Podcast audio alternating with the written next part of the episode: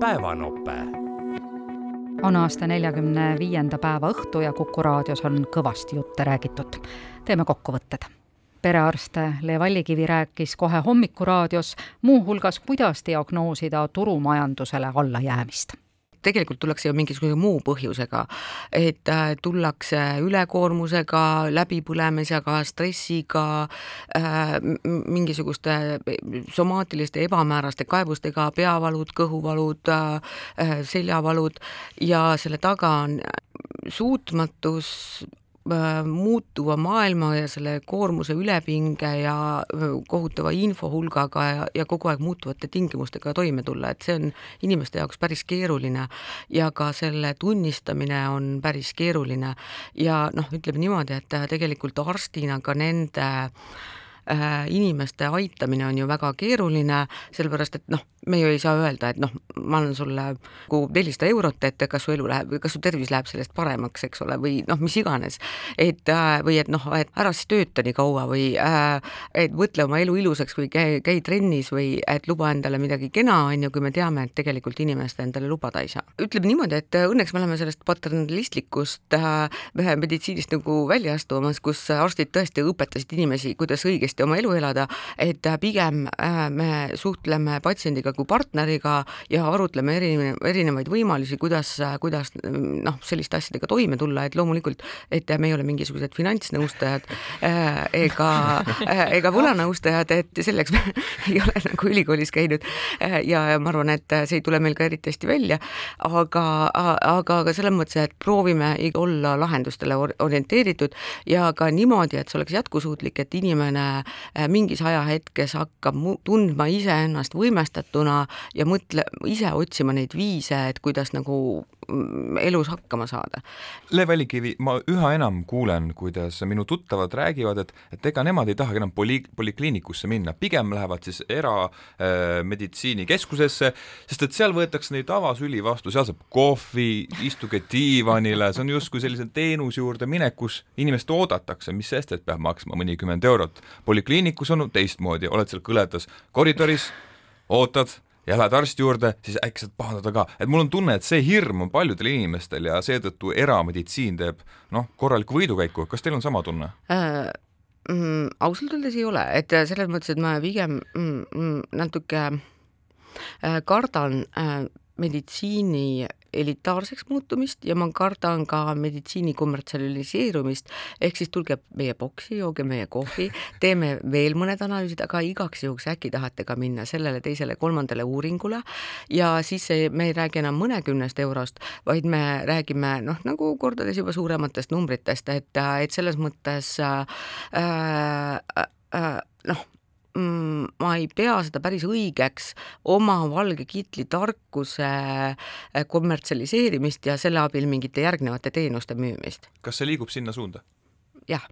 Le Vallikivi kõneles sihikule kommenteeris aga riigi peaprokurör Andres Parmas Venemaa siseministeeriumi algatatud kriminaalasja Eesti peaministri Kaja Kallase suhtes no esiteks ei ole täna ju tegelikult äh, selgust, et äh, mis äh, staatusega täpselt tegemist on, et see on meediast tulnud informatsioon, võib, võimalik, et tegemist on mingi infooperatsiooniga, võimalik, et need kriminaalasjad tõesti on püsti pandud ja nende inimeste tegevust uuritakse mis on täpselt Venemaa kavatsused või, või mida ta oleks valmis äh, võimaluse korral tegema, et äh, seda me võime ju ainult äh, oletada. see on kindlasti pretsedenditi, kui teise riigi kõrgete ametiisikute suhtes on püsti pandud kriminaalmenetlusi. aga noh, see pole selles mõttes kordumatu, et, et näiteks Venemaa enda kõrgete ametiisikute suhtes äh, on äh, olnud kriminaalmenetlusi, mida viiakse läbi siinsamas Euroopa Liidu riikides, et äh, aastaid tagasi toimus selline asi Leedus, ma arvan, et see kriminaalasi on neil endiselt olemas, kus see oli mingi kaubandusministeeriumi kas aseminister või midagi sarnast, keda nad soovisid kätte saada aga tegude eest, mida ta oli toime pannud hoopiski äh, eriteenistustes äh, töötavana Nõukogude Liidu ajal veel, siis kui toimusid tuhande üheksasaja üheksakümne esimese aasta verised sündmused Leedu piiril. aga no see on hoopis teine asi, eks ole. see on tõesti teine asi Venemaa president Vladimir Putin on ka rahvusvaheliselt saanud kriminaalsüüdistuse ja rahvusvaheline kriminaalkohus on andnud välja ka tema vahistamisorderi, noh seegi on ju poliitiline, mitte reaalne samm või sümboolne samm, mitte keegi ei püüagi ju Putinit vahi alla võtta. ma arvan, et nii ei saa öelda, mitte keegi ei püüagi seda teha. Ehm, et, et see on kahtlemata nii Äh, praktiliselt kui ka poliitiliselt äh, ütleme, väga keeruline ette kujutada seda olukorda, et, et keegi hakkaks kinni võtma äh, Venemaa istuvat riigipead. aga mis siis, kui ikkagi juhtub ühel päeval see, et, et Putin on veel elus, aga ei ole enam riigipea, või kui Venemaa positsioon kuidagi oluliselt nõrgeneb, noh ma ei tea, näiteks kas või äh, Äh, selle tõttu, et Ukrainas ei lähe nii, nagu nad loodavad, et võib tekkida mingi võimaluste aken. Äh, rahvusvaheline kriminaalkohus äh, sugugi mitte esimest korda ei ole väljastanud vahistamismäärust istuva riigipea suhtes, et, et seda on tehtud ka Sudaani endise riigipea Gaddafi meenub ka mulle. Omar al-Bashiri suhtes ja samuti Gaddafi suhtes, ma ei mäleta, kas Gaddafi oli siis veel riigipea või oli ta juba äh, minema löödud, aga seal on teistsugune olukord. et äh, need juhtumid olid äh, rahvusvahelisele kriminaalkohtule nii-öelda uurimiseks, uurimispädevus oli neile antud ÜRO Julgeolekunõukogu resolutsiooniga. rääkis Andres Parmas buumis ähm, jutustati nii neutraalintressist kui ka sellest, miks Leedu sai kallimalt laenu kui Eesti.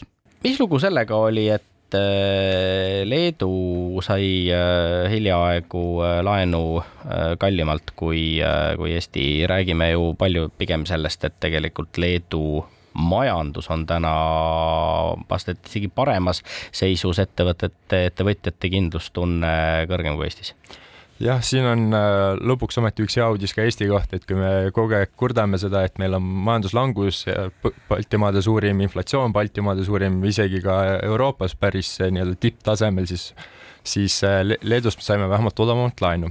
Eks seal oli kaks peamist asja, üks oli see, et me ajastasime natuke paremini, et Saksamaa kümneaastase tootlus oli kuskil kümne punga võrra madalam ja seetõttu saime ka meie nii-öelda parema, paremates tingimustes laenu võtta. lisaks sellele on, on meil ka võlakoorem märkimisväärselt madalam ning sellest tulenevalt on meil ka nii-öelda meie võla kvaliteet suurte majade poolest nõks parema hin hinnanguga. aga kui nüüd, kui me vaatame nüüd seda aastat, et kuidas sa ise ennustad, et kas tuleb pigem selline pulliturg, et turg läheb üles hoogsalt või on karuturg, et me kukume siin kakskümmend protsenti aasta lõpuks ära või?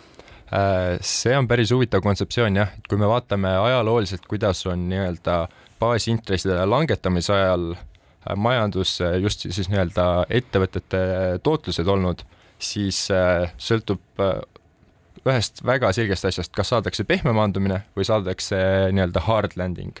kui on peh-, pehme maandumine olnud, siis on ettevõtted tihtipeale ka kümneid protsente väärtuses kasvanud. kui me mõtleme viimase paari nii-öelda majanduskriisi peale, ehk siis kaks tuhat kakskümmend, kaks tuhat kaheksa, siis ettevõtete nii-öelda väärtus langes kõvasti, kakskümmend kuni nelikümmend protsenti, kui ma ei eksi isegi. Räägitakse palju sellisest kontseptsioonist nagu neutraalne intressimäär, et tegelikult noh, peaks nii Euroopa Keskpank kui äh, Ühendriikide Keskpank äh, taotlema siis sellist Äh, intressimäära, mis äh, ei äh, innustaks ega pidurdaks majanduskasvu jah, ja siin, siin võib-olla tuleb väike nii-öelda huvitav tegur sisse USA ja Euroopa võrdluses, et Euroopal, nii-öelda Euroopa Keskpangal on mandaat hoida inflatsiooni kahe protsendi juures.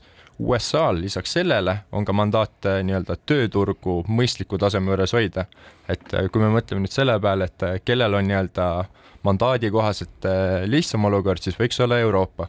Küll aga on palju arutatud seda, et äh, kumb oleks siis hullem, kas äh, majanduslangus nii-öelda riikidele, millel on tohutu võlakoorem, USA ja Euroopa väga hästi sobivad siia näiteks, või siis see, et inflatsioon on nõks kõrgem kui see nii-öelda kaks protsenti ja tihtipeale on ikka jõutud järeldusele, et see esimene stsenaarium ei ole ikka nii valus kui teine. arutlesid Anto Liivat, Ott Pärna ja SEB kapitaliturgude maakler Eerik Laur. Kukut saab kuulata aga raadio vastuvõtjast, veebilehelt ja Playeri nimelisest äpist. Päevanope